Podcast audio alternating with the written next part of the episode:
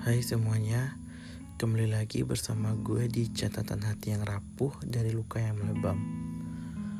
Uh, untuk hati rapuh malam ini, gue mau ngebagiin tips move on yang menurut gue cukup personal, tapi sangat ampuh.